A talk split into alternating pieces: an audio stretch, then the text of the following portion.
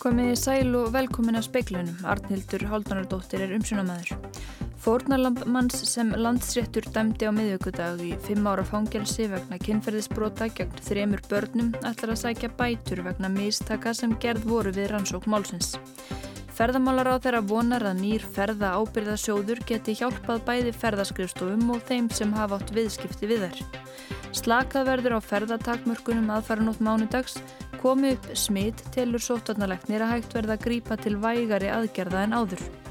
Sænska ríkisútarpið hefur ekki efni á að kaupa intak af rannsóknarskíslu um morðið á Úluf Palmi. Ríkislauruglustjóri vil rannsaka hvort kynþáttafordumar þrývist innan lauruglunar og rína í samskipti hennar við inflitendur. Umræðanum kynþáttaforduma og lauruglóðbeldi Vestanhafs hafi ítt við lauruglunni hér. Samningaviðræður breyta og Evrópusambandsins um framtíðar viðskiptasamband ganga trægulega og sem fyrr eru fiskveiðimálinn frándur í götu. Mohamedu Slagi var ránglega vistaður í Guantanamo búðunum í meirann 14 ár. Nú er verið að gera kvikmyndum hann í Hollywood og segist hann hafa fyrirgefið kvölurum sínum. Landsréttur dæmdi á miðugudag mann sem starfaði sem stuðningsfulltrúi hjá barnavernd Reykjavíkur í fimm ára fangelsi fyrir kynferðisbrot gegn þremur börnum, tveimur drengjum og einni stúlku. Eitt fórnarlampana ætlar að sækja bætur vegna mistaka sem gerð voru við vinslu málsins. Lauraglunni á höfuborgarsvæðinu bárust alls nýju kærur vegna brota mannsins en hann var ákerður fyrir fimm þeirra. Málið var tekið fyrir í hérastómi Reykjanes árið 2018 en þar var maðurinn síknaður af öllum ákjáruliðum.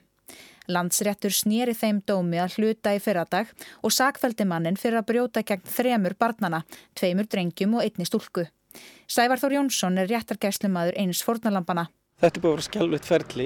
Eh, umbjóðandi minn er rétt um tvítug þegar hann tekur ákvörunum það að fara með málið lengra. Hann hafði þar áður uh, auðvitað kvalist mikið andlega með það að þurfa að burðast með þessa, þennan atburð og þessa atburði sem hann lendi í og það hefur því miður ekki tekist þér allan áfram réttlætinu en þó í dag eru þrýr einstaklingar sem eh, fá þá réttlætinu framfyllt en auðvitað er það líka sigur fyrir alla þá sem hafa lendi í þessu máli einhverju leiti. Málið kom upp snemma árs 2018 og vakti mikla aðtikli, ekki síst vegna þess að brotalamir voru á rannsókninni. Maðurum var ekki handtekinn fyrir mörgum mánuðum eftir að lauruglubast fyrst kæra á hendur honum og síðar kom í ljósa að Reykjavíkurborg hafi fengið ábendingu um meint brotans 2008 en borgarstafsmar tilkynnti barnavend ekki um ábendinguna. Sævar segir yfirvöld hafa brugðist brotaþólum í málinu. Það verður auðvitað að, taka það fram að lauruglan eh, á höfuborgarsvæðinu í Reykjavík eh, viðurkendi mistik í málinu og baðst formlega afsökunar en það er ekki að segja það sama af hendi borgarífvalda eða þeirra sem ber ábyrð á barnavendamálum í borginni. Umbjóndi minn hefur falið mér stofunum minni að sækja eh, bætur úr hendi þeirra sem ber ábyrð í málunu þannig að það er að næsta dagskrá sagði Sævar Þór Jónsson Þórhildur Þorkelsdóttir tók saman. Þórtís Kolbrún er Gilvadóttir ferðamálar á þeirra vonast til þess að nýr ferða ábyrðasjóður sem hún kynnti á ríkistjóðnumfundi í morgun geti bæði hjálpa ferðaskrifstofum og þeim sem áttafa viðskipti við þær. Sjóðurinn muni raun lána ferðaskrifstofum svo þær geti greitt viðskiptavinnum sínum en ferðaskrifstofunar borga svo lánið á laungum tíma á hagstæðum vöxtum. Við erum að vinna að útfæslu sem að ég held að geti verið laust sem að allir geti sætt sér við. Það er að segja að við erum með engum hægt að ganga á rétt neytendan en maður síður sé. Veitir þetta súrefni inn til ferðarskristofa sem er mjög nöðsulegt og er alls ekki sásökufullt fyrir ríkisjóð. Hvernar gætu svona sjóðu komist á laginnar? Ég skinni að vilja hjá þinginu til þess að leita lausna. Ég vonast til þess eftir helgi að við getum verið með komið með svona mynda því hvernig þetta lítur nákvæmlega út. Við erum tölvöld langt komin með það. Gildir þetta líka fyrir útlíkar sem áttu viðskipt við íslensk félag? Já, við getum ekki mismunað eftir tegund ferðarskristofa. Þetta er rauninni bara það úrræði fyrir allar þær ferðarskriðstofur sem eru með þetta sérstaklega leifi til að selja pakkaferðir. Það tapuðu þetta allir á því þegar fjöldi fyrirtækja fer í þrótt. Saði Þórdís Kolbrún Reykjörg Gilvadóttir í viðtali við Þórdísi Arlótsdóttur. Þremur farþegum var bjargað í dag úr báti sem kvóldi á langa vatni á Skagaströnd. Davíð Már Bjarnason, upplýsingafulltrúi landsbjergar, segir að björgunarsveitir hafi verið kallaður út um klukkan hálf fjögur. Hálftíma síðar voru þar komnar af vatninu þar sem farþegarnir fundur skömmu síðar á kili bátsins. Þeim var komið í land, köldum og rögtum en engan sakaði. Landamæri Íslands opnast að hluta aðfara nótt mánudags. Í dag bóðaði dómsmálar á þeirra til þriðja upplýsingafundar ríkistjórnarinnar og almannavarna til að fjalla um framkvæmt þess. Farþegar sem hingað koma eru beðnir um að vera með andlitsgrímu í flugvélinni á leið til landsins og innan leifstöðar í samræmi við leiðbenningar sóttatnastofnunar Evrópu. Þórólfur Guðnarsson sóttatnalagnir telur líklegt að ef smitt komi upp hjá ferðamönnum eða Íslandingum verði hægt að grípa til vægari aðgerða en áður. Aðgerðina þurfti ekki að vera jafn viðtækar á landsvísu. Uh, það geti, gæti þurfti að vera harðar staðbundið eða að kemja upp svona hópsíkingar á okkurna stöðum eins og, eins og, eins og gripi var til í bæjarfélögum hér. Þannig að ég ger ekki ráð fyrir því að þurfa að vera eins miklar og viðtækar aðgerðir eins og, eins og hafa verið. Saði Þórólfur Guðnarsson. Landsréttur þingdi í dag dóm hér að stóms Östurlands yfir Sigurði Sigursinni 34 ára gömlum Karlmanni úr 6 ára í 10 ára fangelsi. Sigurður var dæmdur fyrir tilrönd til manndráps en hann réðst að manni í heimahúsi í Neskjöpstað með tveimur nýfum og stakkan margsinnis með þeim afleðingum að maðurinn hlaut fjölda alvarlegra ávarka og var í lífsættu þegar hann komst undir læknishendur. Sigurði var jáfnframt gert að greiða brotaþólunum í málinu 2,5 miljón í miskabætur. Landsréttur segir að Sigurður hafi sínt innbyttan brotavilja og að hendinga einn hafi ráðið því að ekki hlust bani af. Forsætisráðura segist ekki tengja akademist frelsi fræðimanna við það ferli sem á sér stað þegar Norræn ráðuneyti koma sér saman um hvert skuli ráða í stöður og vegum Norræna ráðherraráðsins. Formaður samfélkingarinnar segir óhugulagt á stjórnvöld hafi beitt sér gegn hæfum einstaklingi. Ráðningistöðu rittstjóra hagfræði tímaritsins Nordic Economic Policy Review á vegum Norrænu ráþæranemdarinnar var rætt í óundurbúnum fyrirspurnum á alþingi í dag. Logi Einarsson, forma samfylkingarinnar, gaggrindi fjármála og efnagsaráþæra vegna viðbræða við tillögum að Þorvaldur Gilvason yrði ráðunni rittstjóri tímaritsins. Hann sagði óhugulegt að ráðuneyti beitti sér gegn hæfum einstaklingi. Ég hyrði ekki um að telja upp þá flokksgæðinga sem sjálfstæðisflokkurinn hefur raðað á jötuna gegnum árin, oft beinlinis vegna skoðana sinna og þó að vanhafið hafi beinlinis lekið af þeim. Ef ykkur vanhagaði um vissu á því að sjálfstæðisflokkurinn stundi hér á landi pólitískur ofsóknu, þá þarf kannski ekki að leita lengra en í frétti ríkisútarsins í gær.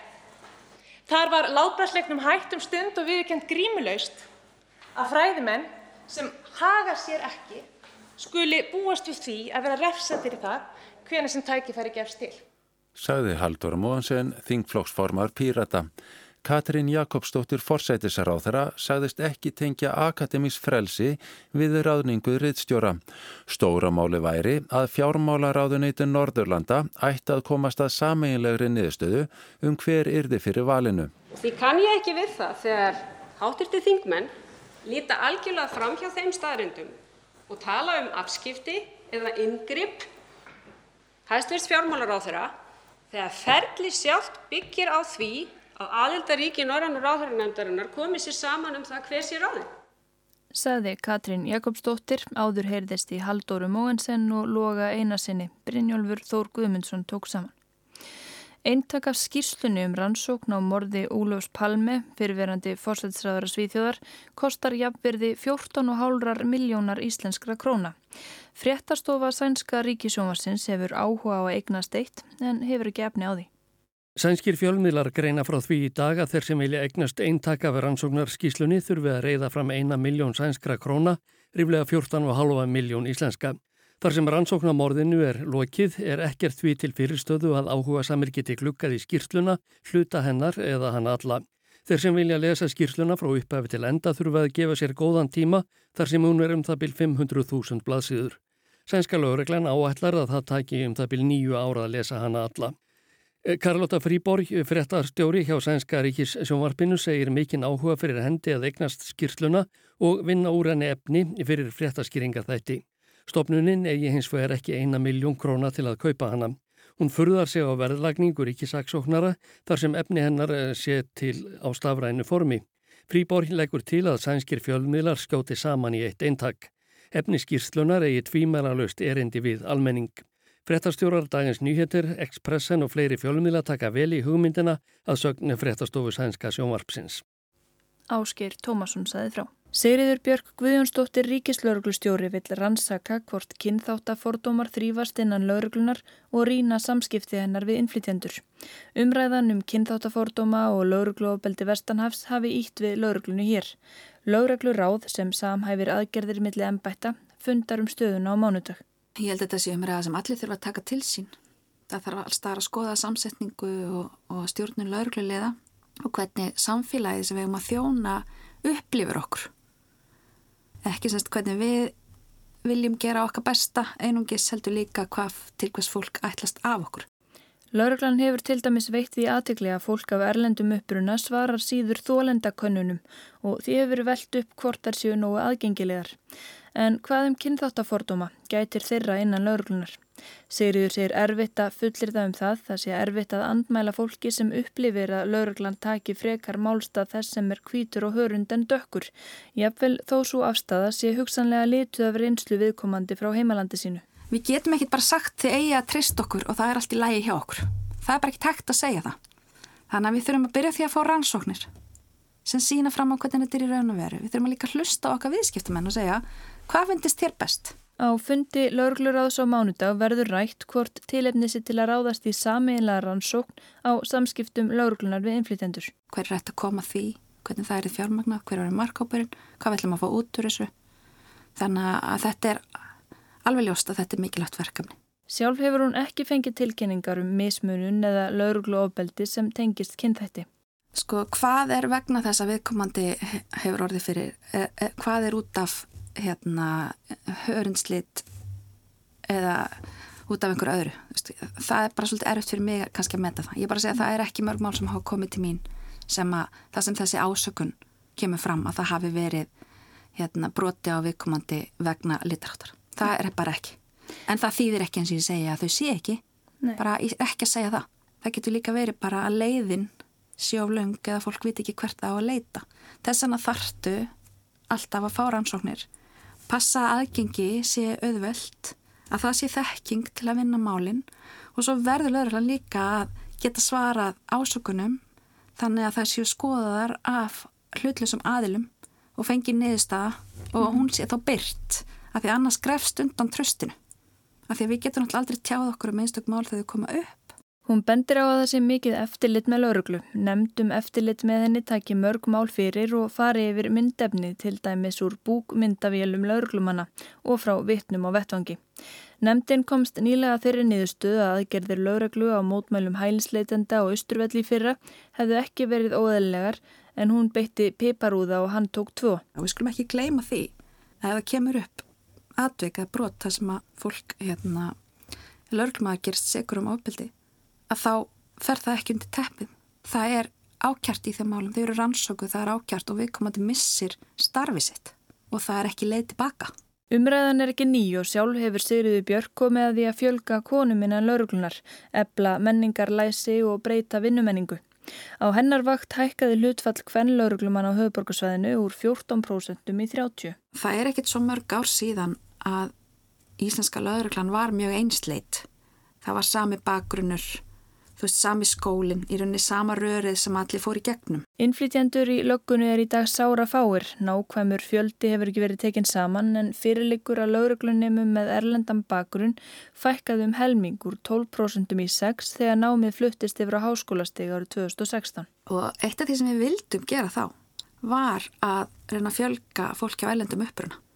En það hefur ekki raungerst. Nei, í rauninni er hópurinn kannski orðin einsleitari en hann var. Já og það er eitthvað sem við reknum ekki með og þarf að taka á. Nú semst fer á stað núna eh, svona matshópur sem að gera úttekt á náminu hvernig hafi tekist til og, og bara þá vera að meta, meta þetta allt saman. Og þá vendalega munum við reyna að setja þennan þátt inn og hvernig við getum þá laðað að okkur fólk af ællendum uppruna eh, vegna þess að það er bara þessi ykkur hennatrið þess vegna þurfum við konundarinn í lauruguna það þýðir ekki að kallarnir séu ekki frábærir, þeir eru það. En við erum að þjóna helmingun okkar kunnum eru konur. Og það skiptir máli að hafa þekking og reynslu og, og sagt, nálgun begja kynja. Með sama hætti skiptir máli að geta sett sig inn í, inn í hérna, reynslu heim þeirra sem að þurfa að sækja þjónustu hjá okkur sérstaklega kannski þeir sem eru í viðkomustu stöðunni. Til dæmis og sást það í MeToo umræðinni hvaða erlenda konur voru stór hópur þar, konur af erlendum uppruna. Ætlið er hann að ná til dæmis hlutfalli innflytjanda innan lauruglunar upp í einhverja ákveðina prósentu, fara að taka þetta saman, þessar tölur og, og svona gera þetta skipulega eða, eða hvert er planið? Já, þetta er klálega eitt af þeim verkefnum sem er á borðin hjá okkur. Og þessi umræða hefur henni flýtt því verkefni. Og kannski setta framar í rauðina við ætliðum okkur alltaf að auka hlut lauruglufólks af ellendum uppruna. Við hefum til dæmis unni talsvægt mikið með pólskum lauruglu og það er algjör eh, breyting ef þú ert með pólskan lauruglumann sem getur séð um að tólka og koma allir til skila og, og passa, passa upp á upplýsingamilununa. En þegar við horfum á laurugluna þá erum við ekki bara að horfa á lauruglumenn og konur.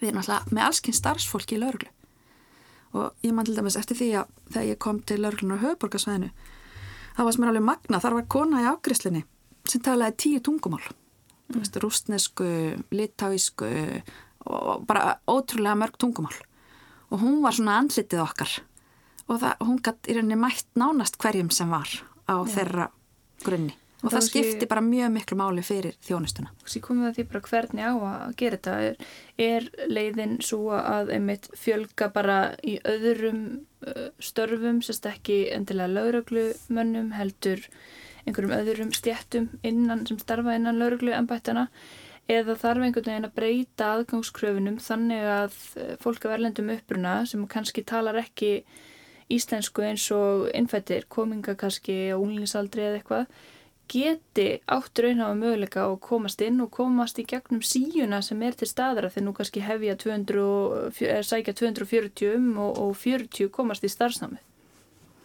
Þetta er bara eitthvað sem þarf að skoða og hérna ég held að báðar þessar leiðir séu góðar og ég held að séu líka fleiri leiði færar eins og til dæmis að vera bara með sérhafaða hópa sem eiga byggja brýr. Þetta hafi verið gert hjá lauruglun á höfuborgarsvæðinu þegar Eirún Eithórsdóttir, nú lektor við Háskólinu Akureyri, stýrði átagsverkefni sem sneri að haturskleipum og fjölmenningu.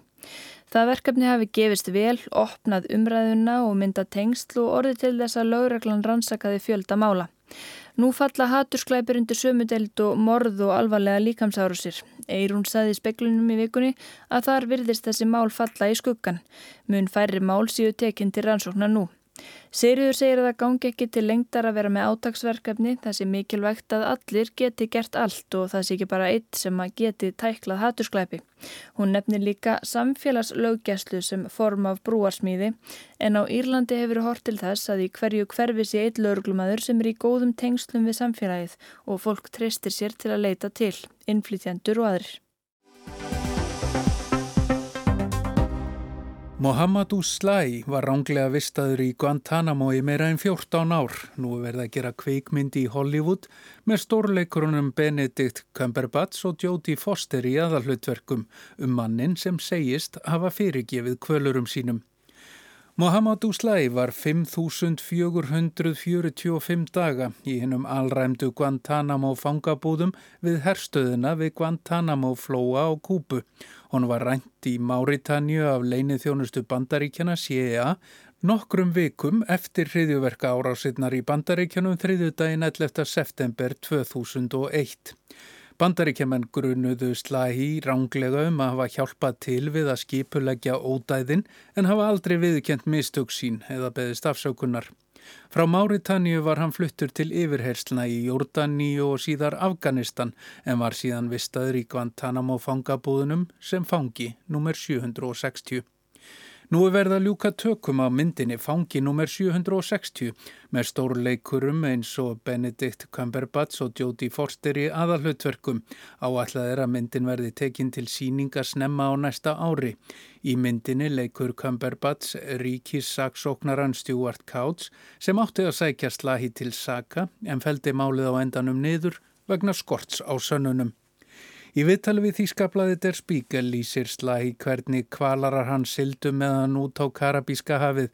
Bundi var fyrir augu hans og líka minn vafin í ís til að fela ummerki um pyntingarnar. Þeir sögðust alltaf sökkonum í sæ, engin myndi saknans. Ekkert varð úr þeirri hótun en þau börðan þar til rifbeinin brotnuðu. Slæhi segist hafa verið fullur heiftar í upphafi og vilja sprengja kvíta húsið í loft upp. Til að takast á við áföllin ákvaðan að velja fyrirgefninguna frekar en hatrið.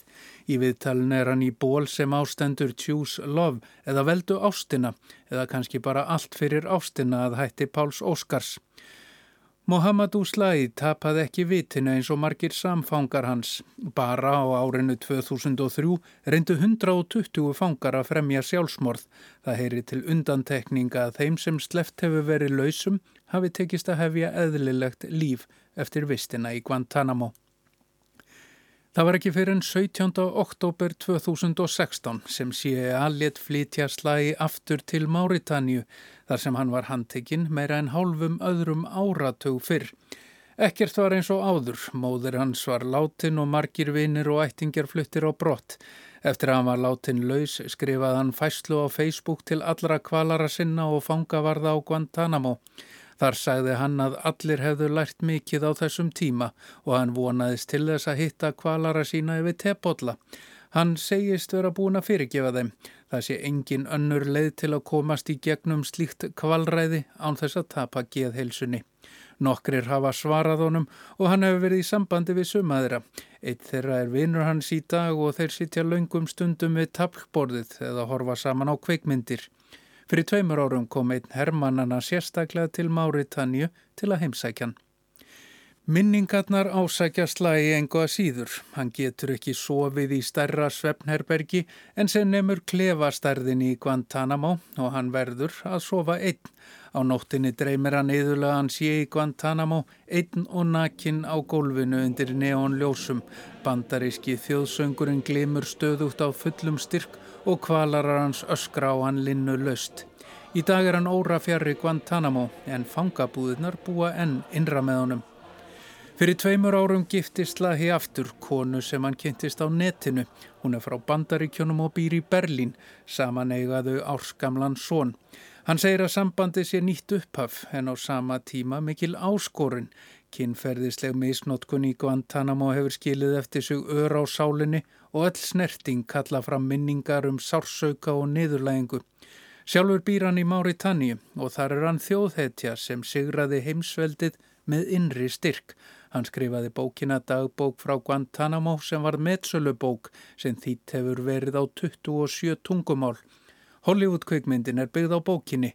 Þar segir frá Beduína frá Máritanju sem reynist framúrskarandi nefandi og fær skólastyrk til að nema í Þýskalandi. Þar lærir hann rafmaks verkfræði og býr í Þýskalandi í 12 ár. Þá fær hann símringingu frá frænda sinum en sá var fylgismæður Ósama bin Laden og ringdi úr síma hreðjuverka leittóhans. Ástæðan var veikindi föður hans og beðni um fjárhags aðstóð honum til handa. Leinið þjónastan CIA hleraði símtalið og dróð þá álugtun að slagi væri helsti stuðningsmæður bin Ladens í Þýskalandi. Það kostiði hann hálfan annan áratug af lífinu og gott betur. Leinið þjónustan hefur ekki byggðist afsökunar og leggst enn gegn því að hann njóti ferðafrelsis.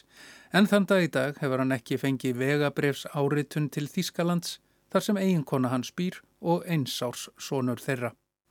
Pálmi Jónasson tók saman. Fjórða umferðin í samningaviðræðin breyta við Európusambandið um framtíðar viðskipta samband hefur staðið þessa vikuna. Árangurinn verður rættur á leiðtóafundi ESB 19. júni. Fiskveiðimálin átti að afgreða fyrir júli. Í júni lók rennur út frestur til að fara fram á framlengdan byggtíma sem rennur út um áramótin. Sem stendur virðist mikið ber á milli, ekki sístum fiskveiðar. Sjávarútvegur nefnur minna en einu prósandi af landsframlegslu breyta en tilfinningahittin tengtur sjávarútvegi vegur meir, endur speiklar aðstæður víða við bresku sjávarsíðuna og þegar kemur að því að semja um þetta tilfinningamál þá ráða líka tilfinningarnar gerðnan ferðinni. Sjávarútvegur skiptir skotamiklu og tilfinningarnar þar komu glögt fram í vikunni í fyrirspurn skosks íhalsþingmanns John Lamont til Penny Mordaunt undir ráð þeirra í forsætsaðanetinu. Lamont myndi á að margir skoski sjómen hefðu stutt útgöngu úr ESB til að ná aftur stjórn á breskum fiskimiðum. Hvort ráðarann vildi nú ekki sjá til þess að Bredland hópi hverki varðandi veiðréttindi og að ESB yrði að skilja að brettar yrðu sjálfstætt strandriki á árinu sagði John Lamont. So can the Minister assure me that the UK will not compromise on our fishing rights and the EU will need to accept that the UK will become an independent coastal nation by the end of 2020? Jú, ráðherran saðist geta fullvisa þingmanninum að svo yrði.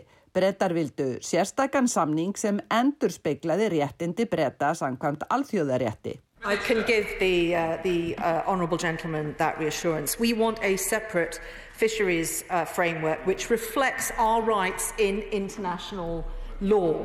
Gröfur breyta væru einfaldar, sandgjarnar og skýrar, saði ráðherran. Vonandi kæmi ESB nú að samningaborðinu af endur nýjum krafti svo um þetta er þið samið. Bóðskapur Penny Mordaunt var einfaldur en í orðumennar er eitt líkilatriði sem mikið ef ekki allt steitir á. Ráðherran talar um sérstakansamning um fiskveðar. Nei, það hefur ESB hinga til þverteki fyrir, vil gera einn heildarsamning þar sem allt er frágengið á sama tíma. Ekki að ástæðulösu að ráðherran nýtti á að það væru enn erfið atriði að semja um og fiskveðar eitt þeirra.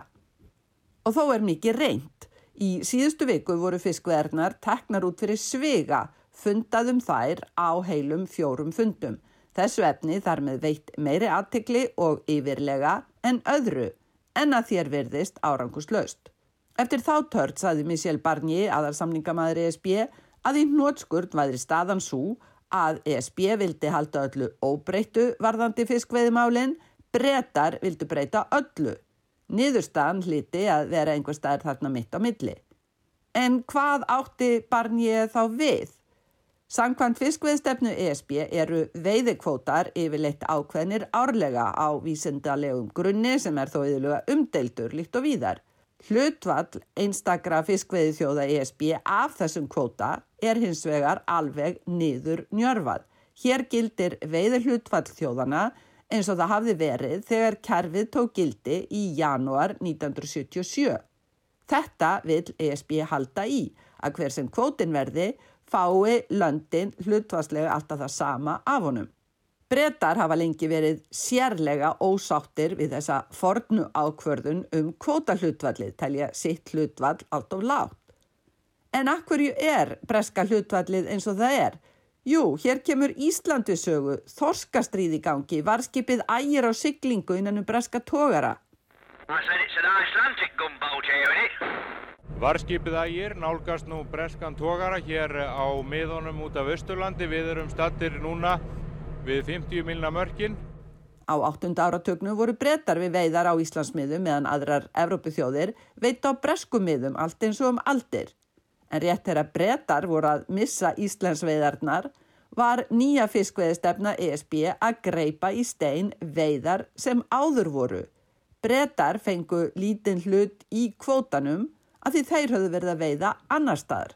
Það má því segja að afturganga þorskastríðana sé á sveimi í brexit viðræðunum. Tilfinningahittin er þó ekki aðeins breyta megin. Í fiskveið viðræðunum nýlega ætlaði Michel Barnier að reyna að höggva hnútin með því að stinga upp á tilslökun ESB megin en hlaut bátt fyrir. Fiskveiðraðarar þeirra átta ESB þjóða sem láta sig fiskveiðar mestumáli skipta heldu nú ekki tilslökun kæm ekki til greina. Það er því litlar samningshorfur um fisk og fleira.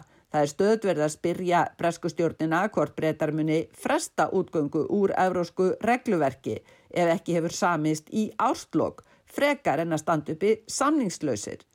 Ímsir hræðast samningsleysi en ekki allir. Flokksbróðir Penny Mordon spurðana hvort það hefði nokkuð upp á sig að halda viðræðum áfram ef ekki þið samist í árslokk, bara dýr óvisa sem hindraði breyta í að takast á við efnaðslegar afleðingar veirurremmingana. Ráðherran tók heilsugar undir það með sterkari orðum en yfirleitt heyrast í þinginu. Honourable gentleman is damn right. Sigrun Davistóttir tók pistilinn saman og þá kemst ekki fleira að í speklinum í kvöld. Magnús Storstedt Magnússon sendi út. Verið sæl og góða helgi.